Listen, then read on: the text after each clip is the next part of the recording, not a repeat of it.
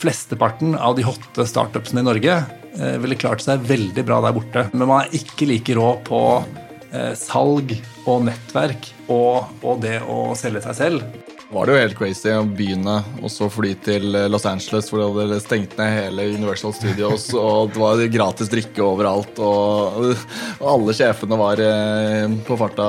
Ja, 6000 mennesker som var der og festa, og så var det New York, og så kom vi tilbake til eh, eiendomsdagene på Nordfjell. Jeg er et eksempel på norske gründere som heller ikke tør å ta den et like store ord i munnen. da. Og jeg er glad jeg ikke tok like store ord i munnen som det WeWork eh, gjorde. Kanskje de burde lært noe av, eh, av norsk mentalitet òg, da. Første Proptech Summit, som ikke er mange år siden, så kalte folk det for Protech. For de hadde aldri hørt eh, begrepet Proptech. Proptech til frokost med Silje og Daniel. En podkast fra Estate Media og Proptech Norway. Velkommen til Proptech til frokost med Daniel og Silje.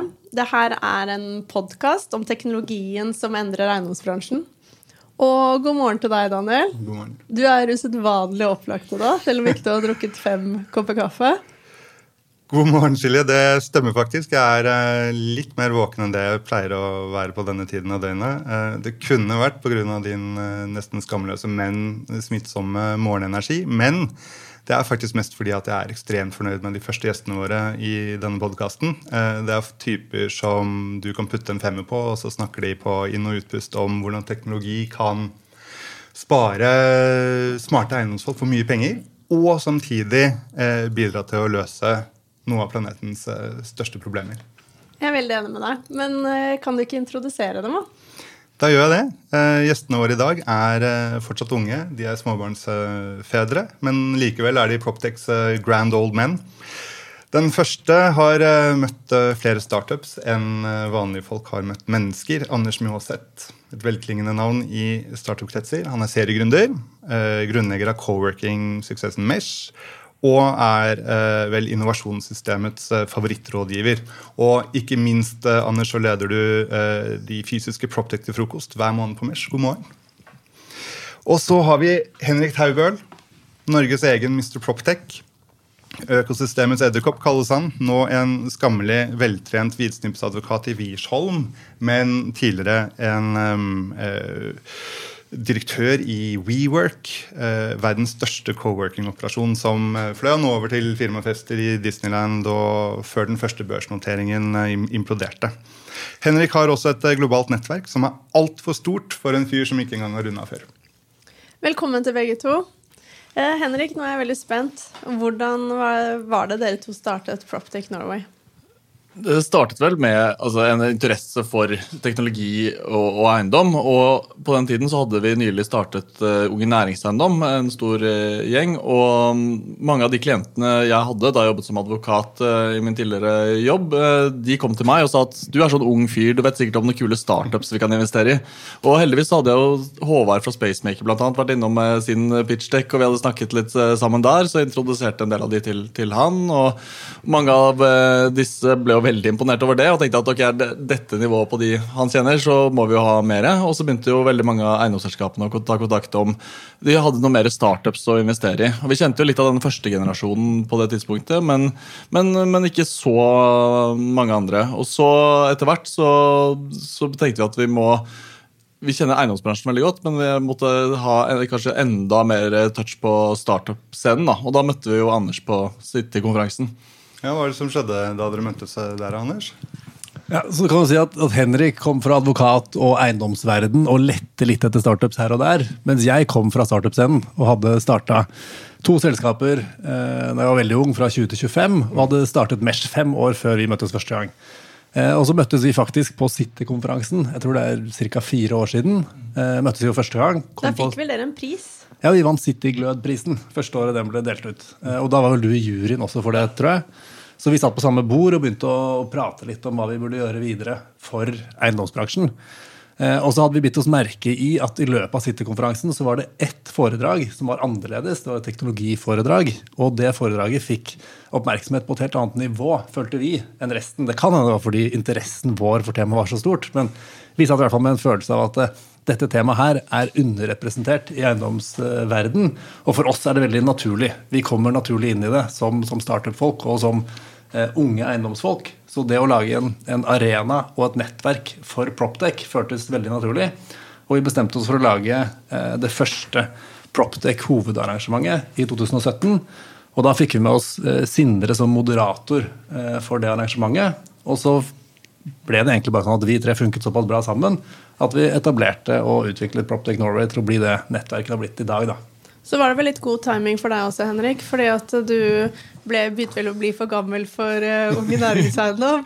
Og alle vet jo at du liker å være aktuell og synlig, så da var det vel en perfekt mulighet å skli over i tech. Perfekt. Eh, neste nettverk. Så kan jeg hoppe videre sånn 35 til 45 der. Og så kan du tenke deg, da finner jeg på noe enda et nettverk senere.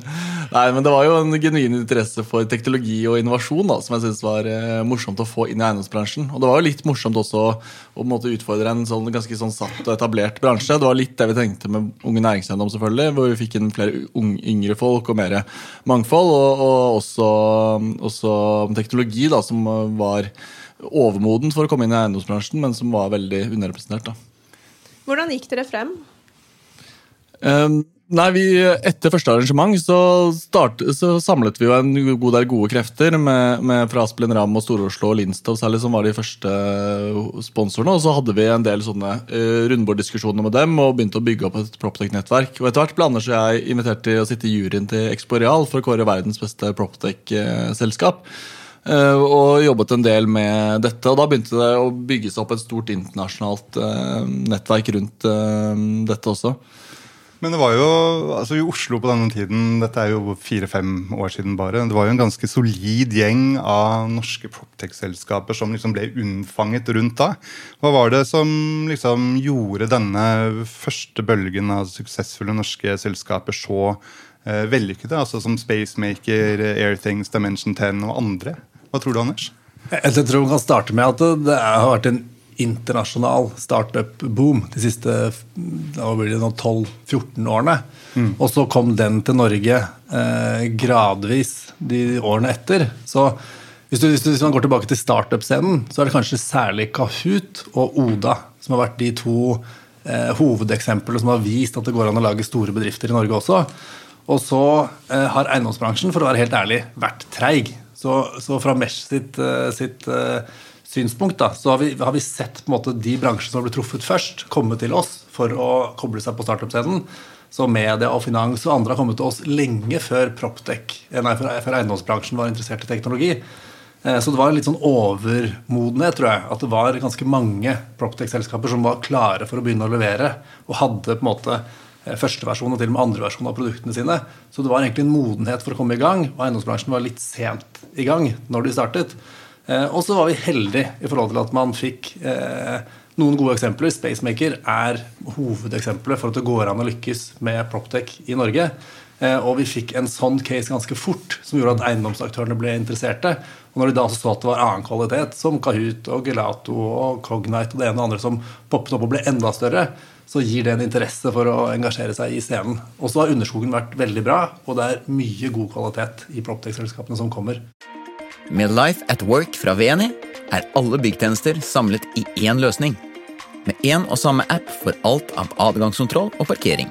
Til booking av møterom eller matbestilling kan du som gårdeier ta grep om dine verdier og skape en enkel og sømløs hverdag for dine leietakere. Finn ut mer på veni.no. Men nå om dagen så tar det jo helt av. Er det litt overtenning? Eller er det bare masse dyktige folk der ute?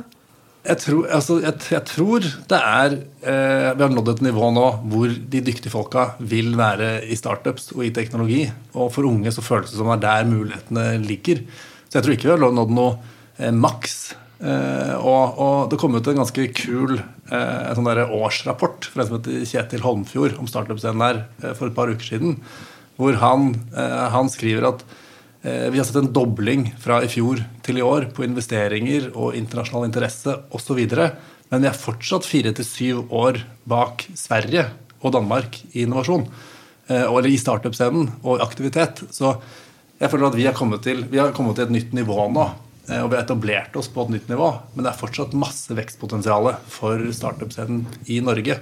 Og det gjør den norske startup-scenen ekstra interessant fordi den er lavere priset enn de andre. Eh, og, og den er litt uoppdaget. Så det er, fortsatt, det er, liksom, det er mer spenning og mer action og kortere linjer mellom ting her fortsatt. da. Ja, Nordens varp kalles jo Norge i, i, i, i Proptech-sammenheng. Eh, I den samme rapporten som du nevner, så, så er jo Proptech i topp tre eh, område for ventureinvestering. Ja. Eh, og, og, men sånn var det jo ikke eh, før. Det har jo snudd. altså eh, Proptech-gründere nå forteller jo at det bare for noen år siden var helt dødt hav eh, for eh, venturekapital, og at de var avhengig av de folka som kom og, og, og ba deg om råd, eh, Henrik, altså fremoverlente eiendomsselskaper i nettverk som, som Proptech Norway. da.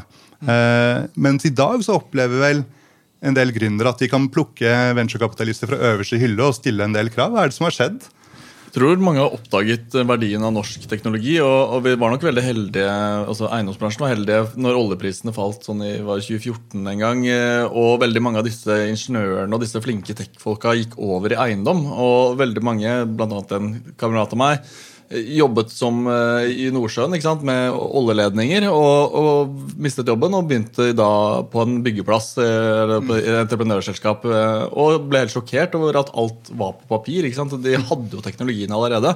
Og veldig mye av teknologien fantes jo allerede offshore. Hvis du går, søker opp Mersk på YouTube, så finner du filmer fra 2015 hvor de har på seg AR-briller og har satt opp en hel oljeplattform i sånn BIM-modell, og så går de og merker ting live da, med disse, i denne virtuelle eh, verden på, der ute. Og det er jo eh, ting som høres ut som science fiction på en byggeplass, men det fantes jo for syv år siden eh, i Nordsjøen. Veldig mange av disse kom over til, til eiendom.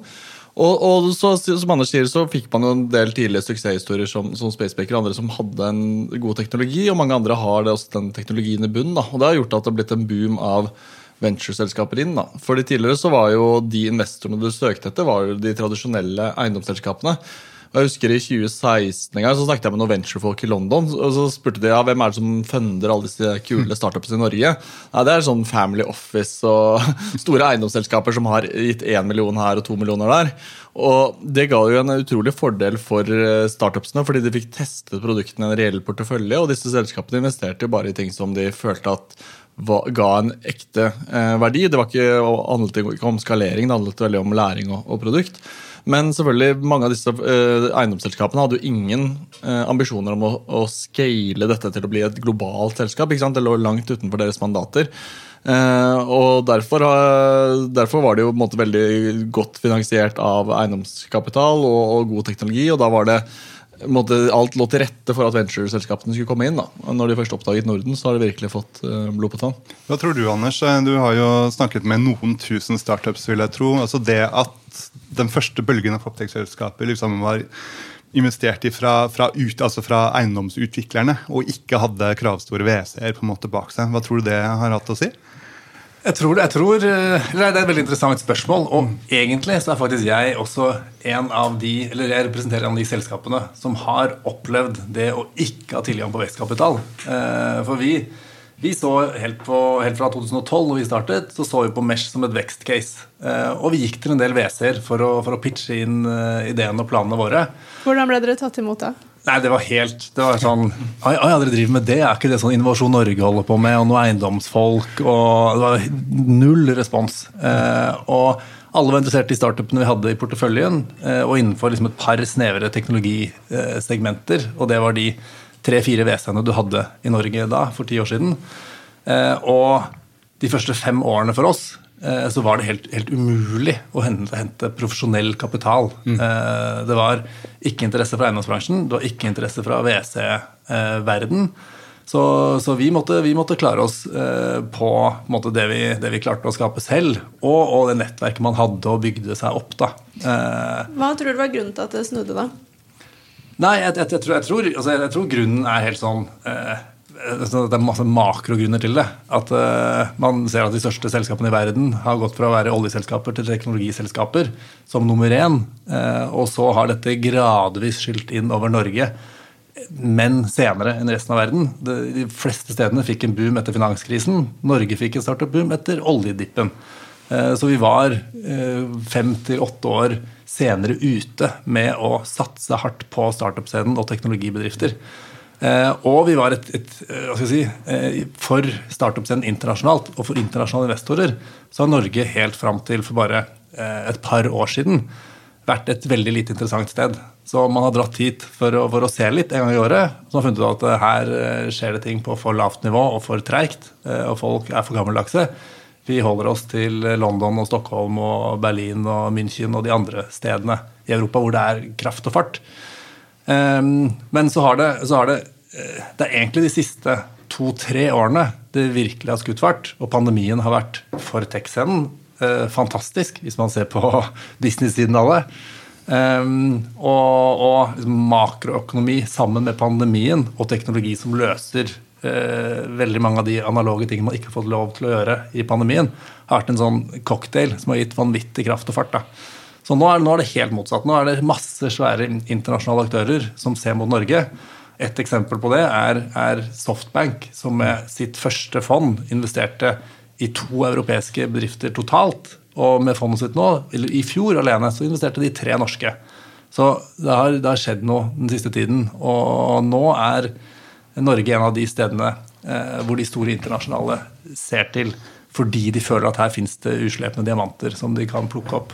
Laft tilbyr en fullverdig FDV-løsning som bidrar til enklere og mer effektiv drift både for små og store eiendomsbesittere. Digitaliser den daglige driften, få bedre innsikt og ta bedre beslutninger for porteføljen. Vi leverer moduler for DV, utleie og renhold, i tillegg til en rekke andre tjenester og integrasjoner. Les mer på laft.io.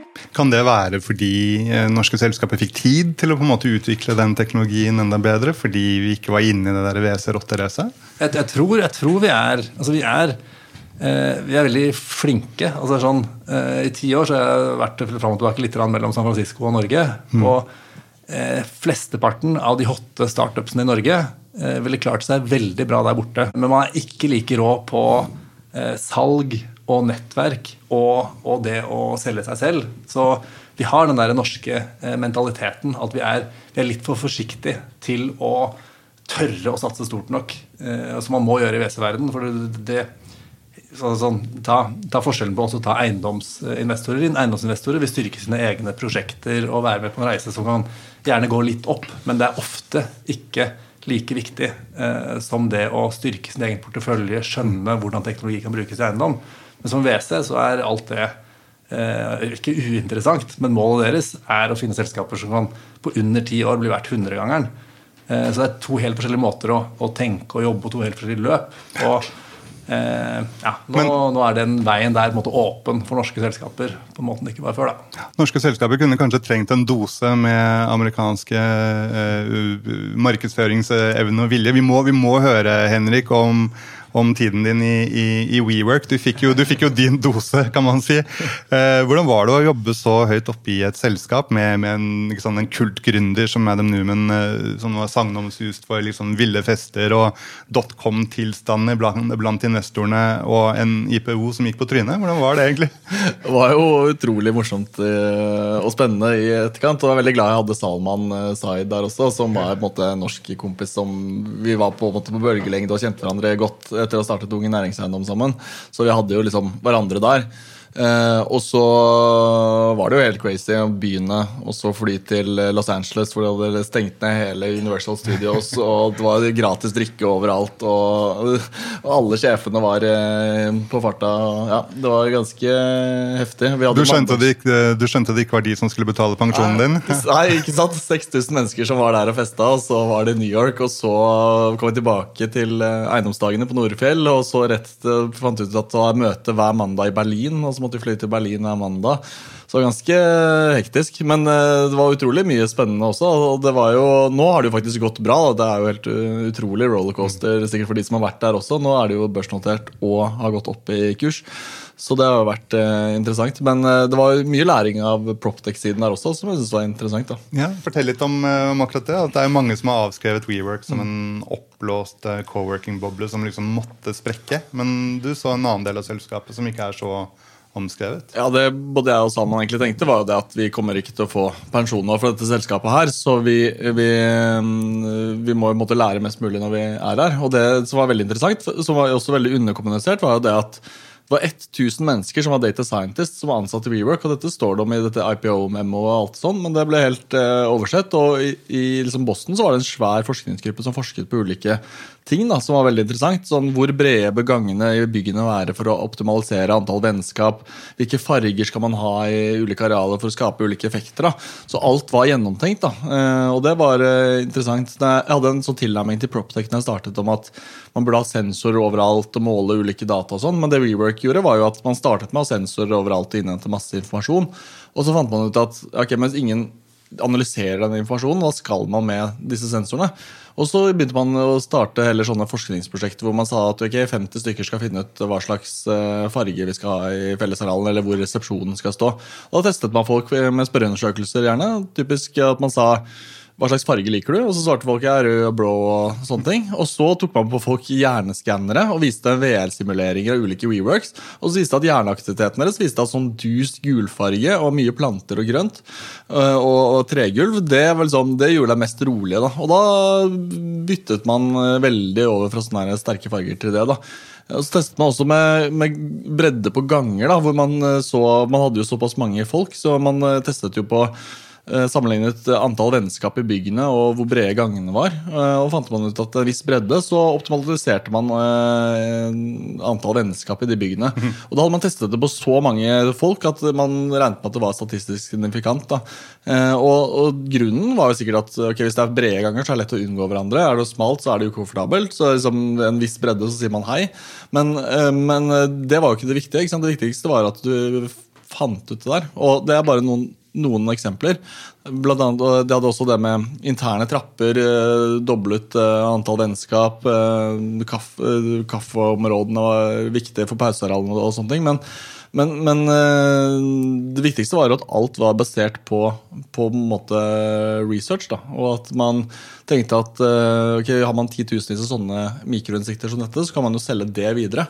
Og det var jo en slags intern businessidé. At Hvis Facebook har verdens største datasett for hvordan du opptrer online, hva hvis du har verdens største datasett for hvordan du bygger, drifter og bruker eiendom? da? Ja, det er veldig interessant. Anders, eh, har dere gjort noe lignende hos dere? Ja, bare når Henrik pratet, så var det en ting jeg tenkte på. og det er sånn, eh, Faktisk så er, er WeWork og Mesh er litt sånn interessante i forhold til det der norske forsiktigheten og den amerikanske ekstreme på en måte salgsbiten. da. Så jeg vet, jeg vet ganske mye om, om, tallene deres og hvordan de solgte seg. sånn, og og de, de, jo, de, de, solgte seg hardt med at de har 100% vekst per år og 40% margin. Og, og, selger seg med at man har 40% margin, eller kommer til å ha 40% margin når man taper eh, milliarder av milliarder av milliarder av kroner. Det er noe de følte at de kunne gjøre eh, uten å måtte se seg i speilet. Mens vi hadde 5% margin og turte så vidt å si til investor at vi kommer til å komme opp i, i 10-15, kanskje 20.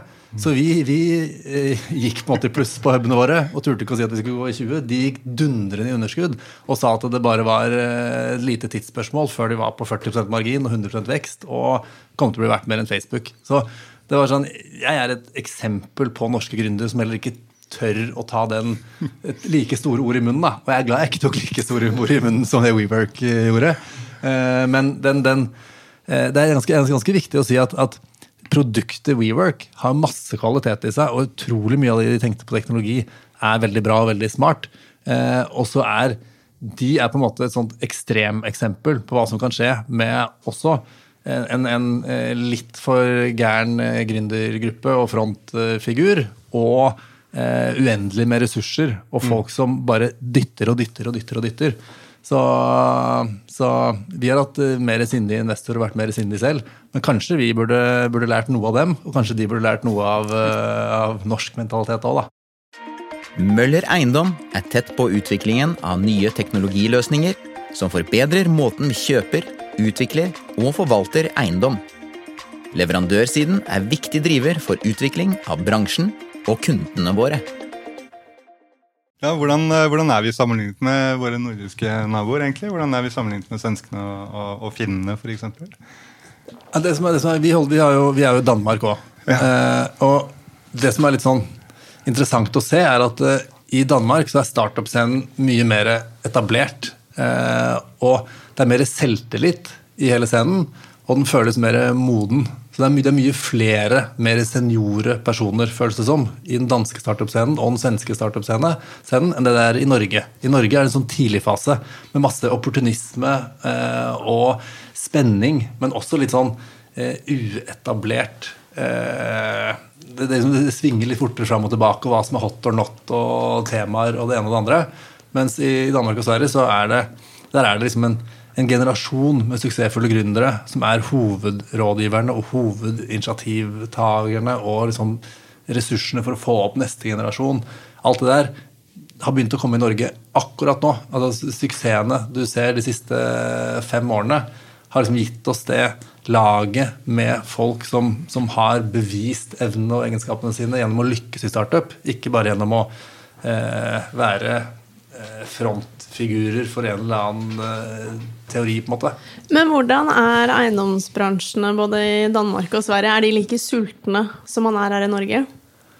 Det, i mitt, fra mitt eh, ståsted så ser det ganske likt ut. Okay. Eh, så jeg vil si at det ikke er så stor forskjell på det. Så startup-scenene er sterkere i Sverige og Norge. Eh, mens eiendomsbransjen er kanskje hakket mer påkoblet eh, i Norge enn i Sverige og Danmark.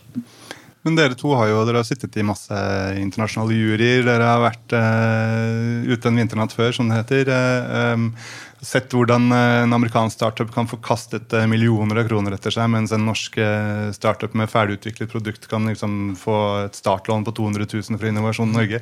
Hvis de ringer dere liksom fra et stort globalt fond og, og ber dere pitche liksom norsk proptech, hva er liksom merkevaren? Hva, og hva er framtiden til, til norsk proptech?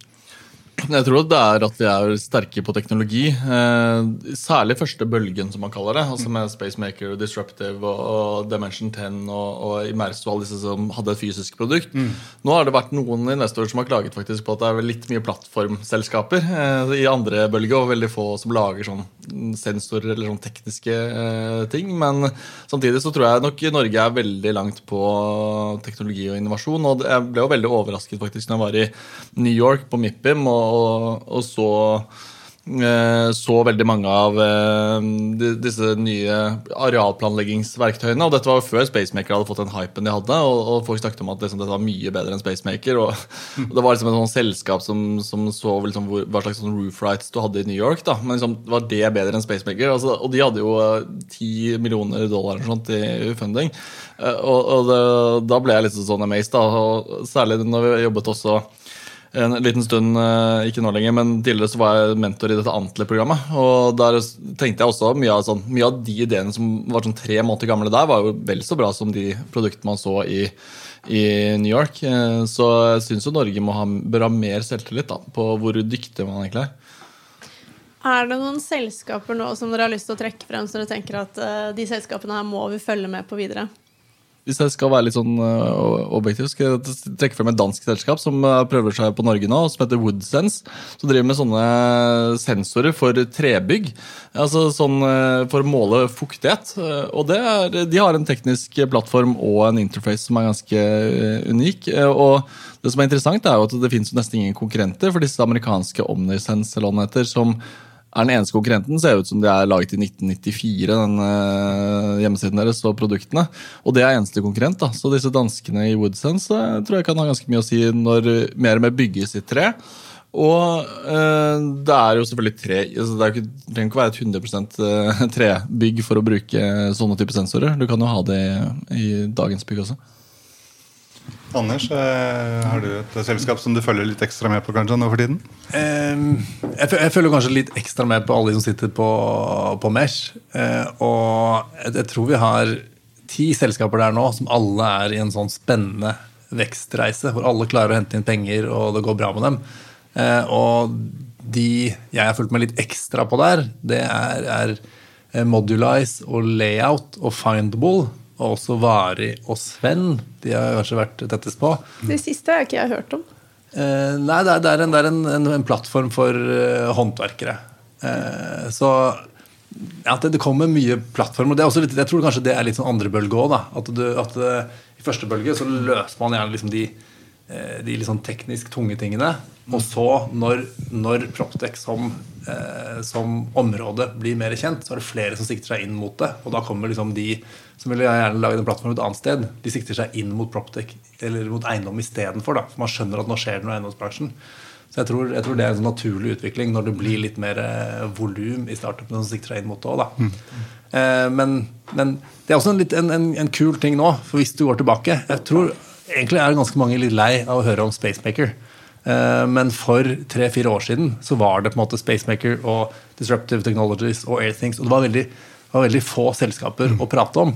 Så jeg har ikke oversikt over alle, eh, alle Proptech-selskapene. Eh, og i hvert fall ikke alle startupsene i Norge nå. Det er tusenvis. Og det er, det er bra. Så nå er det, det er mye mer bredde, og man må lete litt hardere for å finne de som er liksom, topp kvalitet.